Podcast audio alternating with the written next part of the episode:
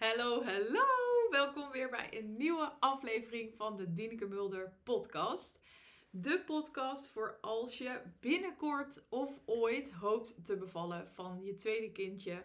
Maar door je eerdere negatieve ervaring zie je er ontzettend tegenop. Nou, superleuk dat je weer luistert. Ik ben helemaal in het roze.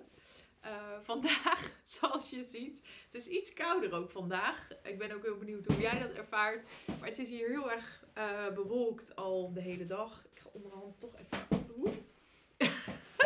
ik ga toch onderhand even anders zitten. Dus je hoort mijn stoel wat uh, kraken en heen en weer gaan.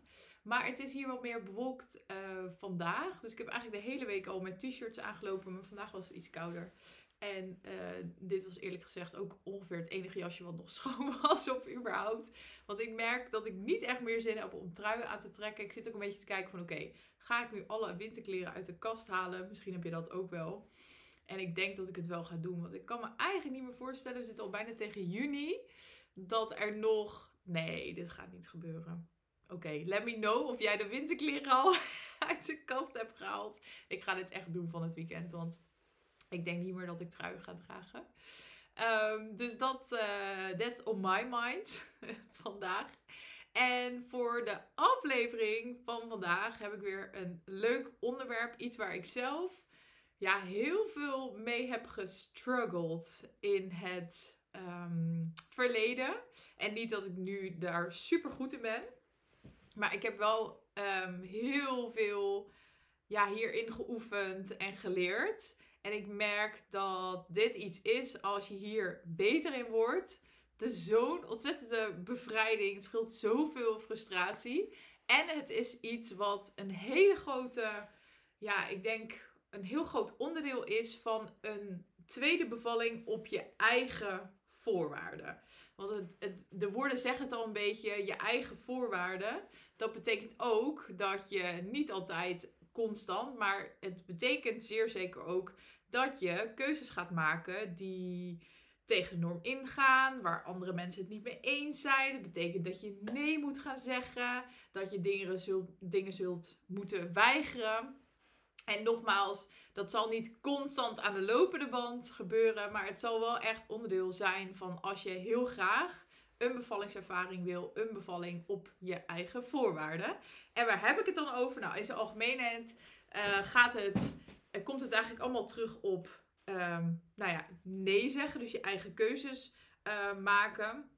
Maar wat daaronder natuurlijk valt, en dit is niet iets wat natuurlijk op zichzelf staand is, iets wat je alleen tijdens je zwangerschap en bevalling doet. Ik denk alleen dat er meer Ehm, er zijn gewoon heel veel verschillende belangen en behoeftes en mensen die zich in die zin bezighouden met jou tijdens je zwangerschap en bevalling. Uh, wat in het dagelijks leven denk ik ietsjes anders is. En daarnaast zijn er ook nog heel veel mensen betrokken die je niet goed kent.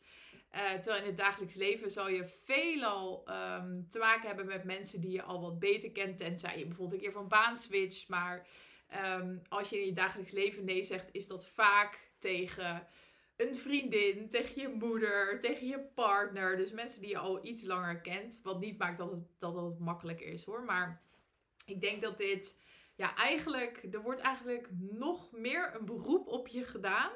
Tijdens je zwangerschap en bevalling. Wat betreft dus nee zeggen, voor je keuzes uh, blijven staan. Vooral als je ja, best wel duidelijk in je hoofd hebt um, hoe jij graag wilt dat de ervaring voor je gaat zijn. En um, ja, als dat soms haak staat op bijvoorbeeld um, protocollen of het geboortezorgsysteem, ja, dan zal je gewoon wat vaker nee moeten gaan zeggen. Uh, maar dit is natuurlijk ook iets, als je dit lastig vond, zeg maar tijdens je eerste zwangerschap en tijdens je bevalling, ik vond dat heel lastig, dan is de kans, nou ja, bijna 100% dat dit iets is wat je in je leven daarvoor, of überhaupt in je dagelijks leven, ook niet zo heel um, makkelijk vindt. En ik dacht, daar ga ik even iets meer over vertellen. Vandaag in deze podcastaflevering. En ook um, ja, hoe ik hier uh, tegenaan kijk. En misschien zie je het ook al in mijn, um, in mijn titel. En mijn titel zegt: Dit is de echte reden waarom we het zo lastig vinden om nee te zeggen. Want ik wil namelijk in een soort van laagje dieper gaan. Want ehm, ja, wat er heel vaak gebeurt, wat betreft dus nee zeggen. En dan bedoel ik, dan gaat het over eigenlijk bijvoorbeeld ja zeggen terwijl je nee had willen zeggen. Misschien herken je dat wel dat je in situaties bent, om even een voorbeeldje te noemen. Ehm, ik, was, ik was bij de bakker. Geen grap, ik was bij de bakker. Daar gebeurde dit. En uh, onze buurvrouw, die werkt bij de bakker. En zij zei heel enthousiast, terwijl ik ook bij de bakker stond. Uh, kun jij misschien dan en dan onze babyfoon van onze zoon, ze hebben ook een zoon, in de gaten houden? En voordat ik het wist, zei ik ja. Nou, achteraf bleek, dit was niet echt een typische situatie waarin ik dacht, nee, het was niet dat ik het niet wilde doen. Maar um, ik had wel achteraf, ik liep de, de bakker dus weer uit. Toen dacht ik, hmm, misschien had ik hier iets langer over na willen denken om te kijken of we überhaupt thuis zijn. Uh, of ik die avond dus wat heb. Uh, of iets anders willen doen. Um, dus dit zijn van die, van die typische situaties. En dat is vooral als er. Ik denk dat we er het meeste moeite mee hebben als we echt letterlijk Um, uh, dus echt in de aanwezigheid zijn. Dus niet via e-mail of via Zoom. Want dan is er dus ook letterlijk meer afstand tussen jou en de persoon. Maar als jij echt fysiek bij iemand dus aanwezig bent. Dus fysiek in elkaars ruimte bent. En dus een gesprek met elkaar hebt. En ook nog dicht bij elkaar staat. En als op dat moment iemand je echt zo op de man af iets vraagt. Terwijl je denkt. Hmm, terwijl je een soort van stiekem denkt van, nou, ik weet niet of ik dit wel wil of ik wil er eerst over nadenken. Of misschien denk je wel direct van, nee, ik wil dit niet. Dat is gewoon het allerlastigst, omdat, um, om dan nee te zeggen. Om, om dan echt te zeggen wat jij op dat moment voelt. En dat is natuurlijk voor iedereen anders. Misschien nog een mooi voorbeeld als van gisteravond. Uh, wij hebben een heel leuk buurtje hier in Haarlem. Het is echt een soort van volksbuurt. Uh, we wonen gewoon in een rijtjeshuis, dus er is veel interactie ook met de buren. En uh, de overbuurvrouw die kwam gisteravond even, want ik zat met Daniel in de, in de voortuin. Want we hebben net een bankje in de voortuin gezet. Echt, voel me echt super, helemaal burgerlijk met ons bankje. Maar, maar ja, ik ben er heel blij mee, want hij is ja, helemaal nu gek van spelen met de buurkindjes. En op zijn fietsje over de stoep, op zijn loopfiets. Uh, dus wij dachten, nou, dat is wel handig, want dan kunnen wij lekker gewoon in de voortuin een beetje toezicht houden. En toen kwam de overbuurvrouw, met wie we niet heel veel contact hebben. Ze, ze, hebben, ze hebben één dochter, maar die is al twintig. Dus ja, dan heb je automatisch niet super, super veel connectie. En zo kwam, um, ik weet vrij zeker dat ze deze podcast niet luistert. maar toen kwam zij, dus dit, dit is een andere buurvrouw die, ik net noemde. Maar zij kwam bij ons hekje staan, gewoon even gezellig kletsen. Nou, prima. En toen vroeg Daniel, wil je ook mee naar binnen komen? En ik dacht direct, nee, dit wil ik helemaal niet. Uh, en toen zei ik vervolgens tegen Daniel, nou, doe niet zo gek. En toen hoorde ik die overbuurvrouw zeggen, nee, dat kan wel een volgende keer. En ik dacht, ja, ik heb daar helemaal geen zin in.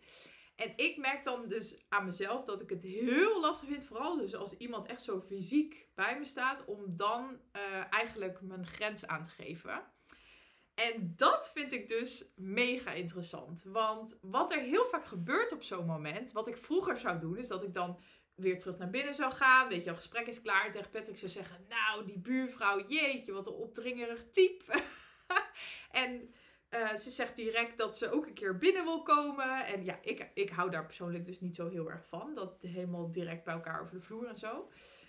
Um, maar ik zou dan in eerste instantie best wel een beetje afgeven op de persoon of negatief daarover praten. Misschien herken je dat ook wel. Let me know. En uh, dat zou ik eigenlijk als eerste doen. En hoe komt dat nou? Dat komt omdat we heel vaak um, als eerste op de ander gaan focussen. Dus de, de frustratie die we eigenlijk zelf voelen. Dus op het moment is een soort van mismatch tussen jij voelt een duidelijke nee, dit wil ik niet. Alleen wat er volgens uit je, uit je mond komt, is eigenlijk een mismatch met wat jij daar binnen voelt. En dat geeft wrijving. Dat geeft wrijving binnenin ons. Want je zegt ehm, eigenlijk ja. Of je zegt in mijn geval draaide ik er een beetje omheen. Ik zei in ieder geval niet wat ik echt wilde zeggen, omdat ik dat lastig vind. En dat is ook heel logisch. Hè? Er zijn denk ik vrij weinig mensen die dan op zo'n moment echt uh, super comfortabel zijn met zeggen van nou, dat vind ik niet zo'n heel goed idee of dat vind ik niet prettig. Ik ben daar dus heel erg mee aan het oefenen. Ehm, maar ik moet zeggen, het is, het is niet makkelijk. Het, het is een lang proces. Vooral omdat je iets wat je je hele leven al helemaal ja, heel oncomfortabel mee bent. Dus in mijn geval dus heel duidelijk uitspreken wat ik wel of niet wil. Dat ga je opeens veranderen. Dus eigenlijk komt je hele, je, je brein, je lijf komt daar een beetje tegen in opstand. Omdat het anders is dan wat jij tot nu toe hebt gedaan. Dus dat is een proces. Dat is niet iets wat je van de een op de andere dag verandert. Oké, maar terug naar eigenlijk wat er op zo'n moment gebeurt is dat je een mismatch voelt. En het voorbeeld wat ik net omschreef, kan je natuurlijk ook toepassen op je zwangerschap. Dus bijvoorbeeld een lastig gesprek met een zorgverlener. Of misschien wel een lastig gesprek met je moeder of je schoonmoeder die iets vindt van jouw keuze in je zwangerschap of over je bevalling. Je kan het op verschillende situaties toepassen. En op zo'n moment is er dus een mismatch. En uh, voelen we in onszelf wrijving en frustratie. Alleen wat we dan heel vaak in eerste instantie gaan doen, omdat we daar iets mee willen, um, we geven of we leggen eigenlijk de verantwoordelijkheid voor de, de wrijving, de frustratie die wij voelen bij de ander neer. Dus um, een paar jaar geleden zou ik echt, en dat is al, uh, dat heb ik al heel erg ja, afgeleerd, om het zo maar te zeggen. Maar een paar jaar geleden zou ik echt naar binnen zijn gelopen en tegen Patrick hebben gezegd van... Jeetje, wat een opdringerig type en wat irritant. En ik zou helemaal bij wijze van spreken op die buurvrouw afgeven. En, ehm, en eigenlijk, ik noem dat altijd een beetje een soort van de, de fastfood manier. Want eigenlijk wat je daarmee doet is dat je denkt op korte termijn van... Oeh, ik moet even mijn frustratie kwijt. Alleen en, en heel even krijg je dat gevoel van satisfaction, omdat je dan uh, een beetje negatief bent over een ander. Dit kan je dus ook toepassen op als je. Um, nou, ik heb dat ook gedaan na mijn bevalling. Ik was heel negatief over uh, de klinisch verloskundige. Ik vond dat zij uh, heel veel dingen allemaal verkeerd had gedaan en verkeerd naar mij had gecommuniceerd. En elke keer als je dat doet, zul je dus heel even, dus elke keer als je dus je uitspreekt even naar iemand in je omgeving, dus je partner of een goede vriendin. Ehm, over diegene die dus in jouw ogen die frustratie veroorzaakt. Heb je heel even het, de satisfaction van dat je dus frietjes of een hamburger eet. Maar je wordt eigenlijk niet gevoed. Dus um, het is echt de, de fast food satisfaction. Dus dat je heel even de frustratie eruit gooit. Alleen op korte termijn voelt dat dus heel veel goed. Maar daarna zul je nog steeds merken dat hetzelfde gevoel nog steeds in jou zit. En dat komt omdat het niet zozeer te maken heeft met wat de ander zegt of doet. Uh, of jouw grens overgaat. Het zit uiteindelijk in jou. Dus wat we in eerste instantie dus doen, is dus onze frustratie uiten, maar dan puur afgeven op de ander. Of dan, of dan zeggen we, ja, ik vond dat die, dat die zorgverlener uh, keuzes, uh, echt zijn, zijn of haar keuzes aan mij oplegde, als het ware. Het voelde alsof ik geen keuze had. Um, ze kwamen opeens met andere argumenten. Ja, daar, daar, en daar kon ik niet op reageren. Dus dat is wat we heel vaak doen. Dus als je dit hoort, kijk ook maar eens of je dit herkent. Misschien in het dagelijks leven, in bepaalde situaties. Um, of eh, dus als je terugdenkt aan je zwangerschap of bevalling, zat al onderhand een beetje na te denken of ik nog een ander uh, voorbeeld had. Um, maar waar het eigenlijk echt om gaat, en dat is ook wat ik bedoel dus met de titel van dit is de echte reden dat je het lastig vindt om nee te zeggen. Want heel vaak denken we dat het de reden is dat de reden de ander is.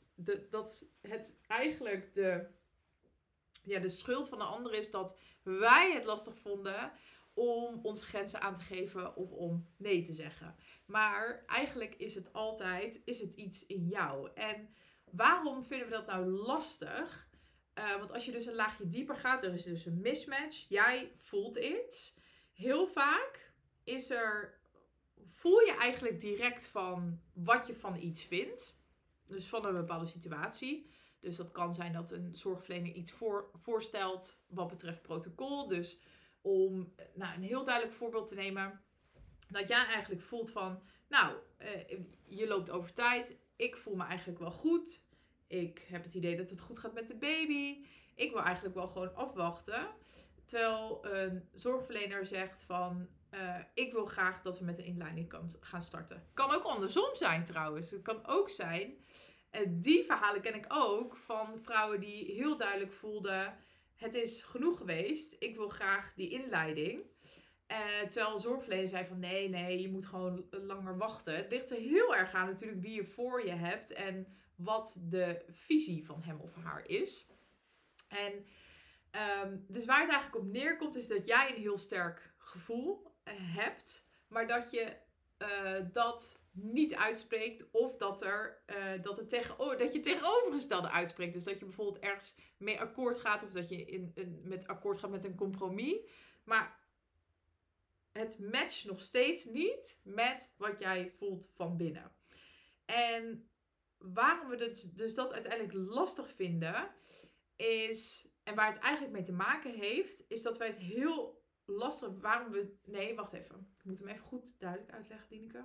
Rustig. Wat we het meest lastige vinden hierin, is dat we eigenlijk liever ja zeggen in plaats van nee. In plaats van dat we zien dat de ander het niet eens is met onze keuze. In plaats van dat we zien dat de ander ons afwijst omdat we een bepaalde keuze maken. In plaats van dat we merken dat de ander een oordeel heeft onder, over onze keuze. Um, ik heb daar misschien ook nog een heel mooi voorbeeld over uit mijn eigen, uit mijn eigen leven. Ik. Um, Oh ja, we werden laatst door mijn schoonouders werden we uitgenodigd om met z'n drietjes te komen varen en komen barbecuen. En ik merkte aan mezelf, ik heb in twee podcasts hiervoor denk ik iets meer uitgelegd over dat ik de afgelopen twee weken was ik ontzettend overprikkeld. En um, ik merk dan dat gewoon alles me te veel is. En op het moment dat ze dat voorstelden, dacht ik eerst, oh ja, leuk. En toen een uurtje later, ik was even iets met de was aan het doen of zo, toen dacht ik, oh my god, ik ben zo moe en ik zou het zo fijn vinden om gewoon even gewoon tijd met mezelf te hebben. En toen dacht ik, wow, hoe chill is het als Patrick en Daniel gewoon met z'n tweeën gaan. En um, ik dan gewoon lekker thuis kan blijven. En ik merk dat ik dat super lastig vond om dat uit te spreken naar Patrick. Vooral omdat ik dan, en inmiddels ben ik me hier dus heel bewust van. Dus ben ik het ook echt aan het observeren wat er vervolgens in mijn brein gebeurt. Want de eerste gedachten die naar boven komen, dit is niks ten nadele van mijn schoonmoeder hoor. Maar de eerste gedachte die naar boven komt is, oh, shit, straks vindt mijn schoonmoeder mij um, heel ongezellig. Of vindt ze dat ik me aanstel. En vindt ze het raar dat ik niet kom.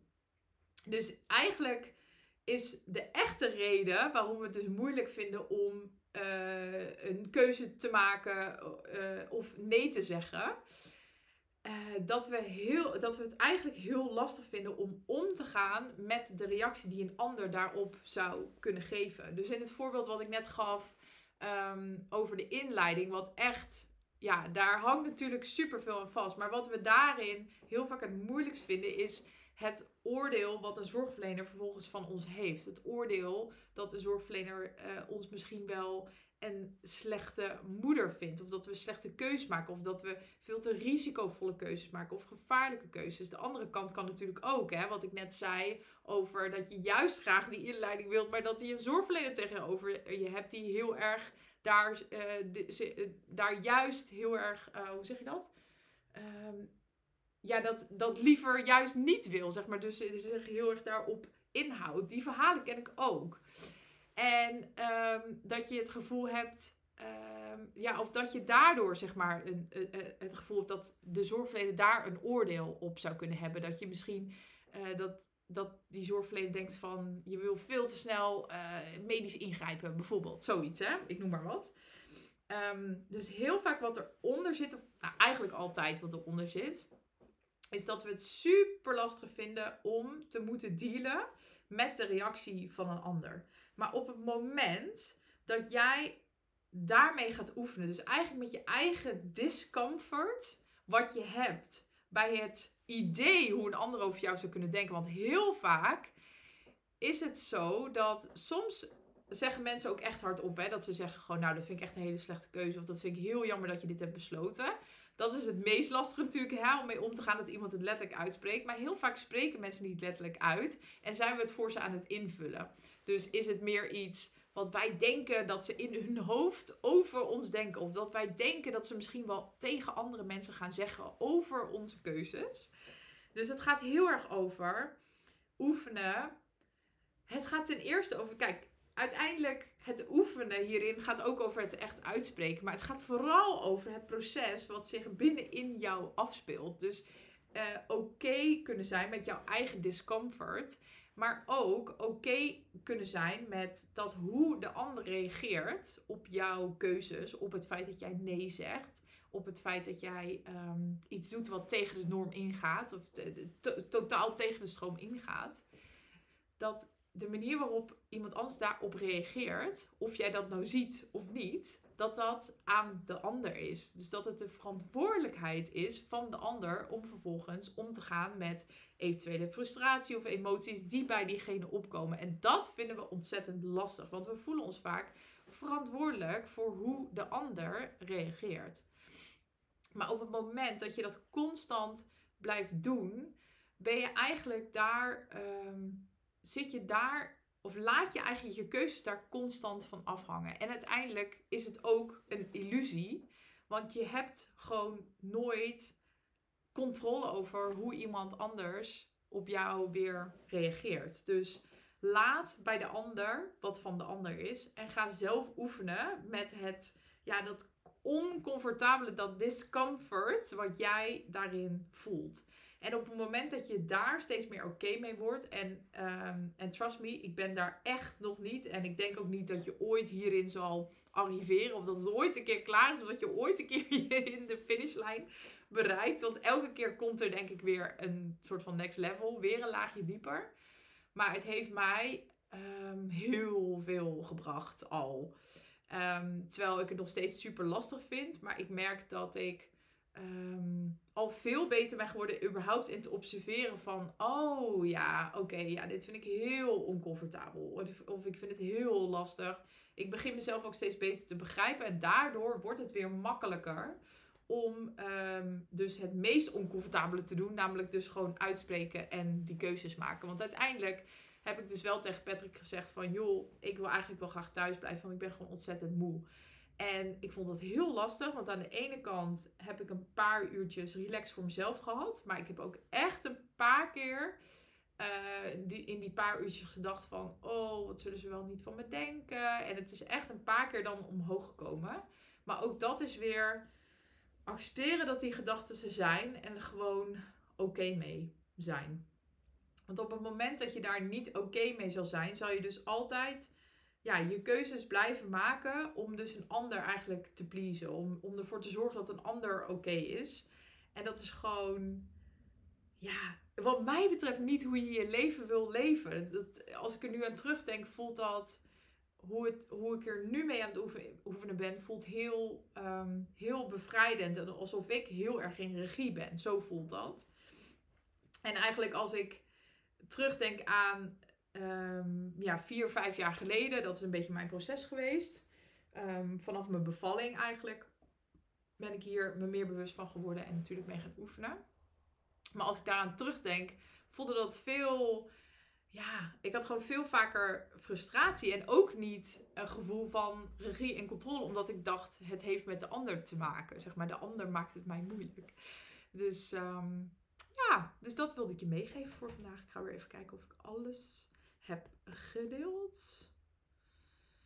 Ja, dus, oh ja, de, nou, volgens mij heb ik dit wel gedeeld. Maar dus bang zijn dat, die, dat je iemand teleurstelt, of dat iemand een oordeel over, uh, over je heeft, of dat, je, dat iemand je gaat afwijzen. Dat is ook echt een hele grote, die bij heel veel mensen heel diep zit, wat we heel lastig vinden. Dus op het moment dat je daar oké mee kunt zijn, dat je oké bent met überhaupt want het kan natuurlijk zijn hè, dat mensen je afwijzen om je keuzes, dat mensen je veroordelen, dat jij mensen teleur gaat stellen. Dat is onvermijdelijk. En hoe meer je daarmee oké kan zijn, dus hoe meer je ook oké kunt zijn met de meest heftige scenario's, dus dat je letterlijk afgewezen wordt, hoe meer jij hoe comfortabeler je gaat zijn met het maken van je eigen keuzes, met je behoeftes uitspreken, met nee zeggen, daar komt het uiteindelijk op terug. En het heeft eigenlijk niks te maken met de ander. Het is altijd aan jou. Dus wat gebeurt er in jou en kun je daar oké mee zijn? Dus ik hoop dat je hier iets aan hebt gehad. Laat het me weten. Stuur me een DM'tje. Ook als je hier nog vragen over hebt of opmerkingen of als je het totaal niet mee eens bent. Ik vind het super leuk om te connecten. Dus uh, je kan me altijd dus via Instagram even een DM sturen. En even kijken, waar zal ik hem nog meer mee afsluiten? Nou, ik zou het ook heel fijn vinden als je me wil helpen om deze podcast verder te delen. En wat daarin heel erg helpt is het geven van reviews. Dat vraag ik natuurlijk regelmatig. Dus mocht je dat nog niet gedaan hebben, doe dat alsjeblieft. Het is echt twee seconden werk. Je kunt daarvoor naar de home page, de homepagina zeg maar, van mijn podcast gewoon gaan. Dus in Spotify of Apple Podcast. En dan hoef je alleen maar die sterretjes aan te klikken. En daarmee zorg je dus dat mijn podcast groeit en meer vrouwen bereikt worden. En wat ook ontzettend helpt, is als je gewoon mijn podcast deelt. Of via Instagram of gewoon rechtstreeks met vrouwen die je kent. En waarvan je denkt, oh, die kan er wel iets aan hebben. Dus uh, als je dat zou willen doen, super fijn. Dankjewel alvast voor het luisteren. En tot de volgende aflevering.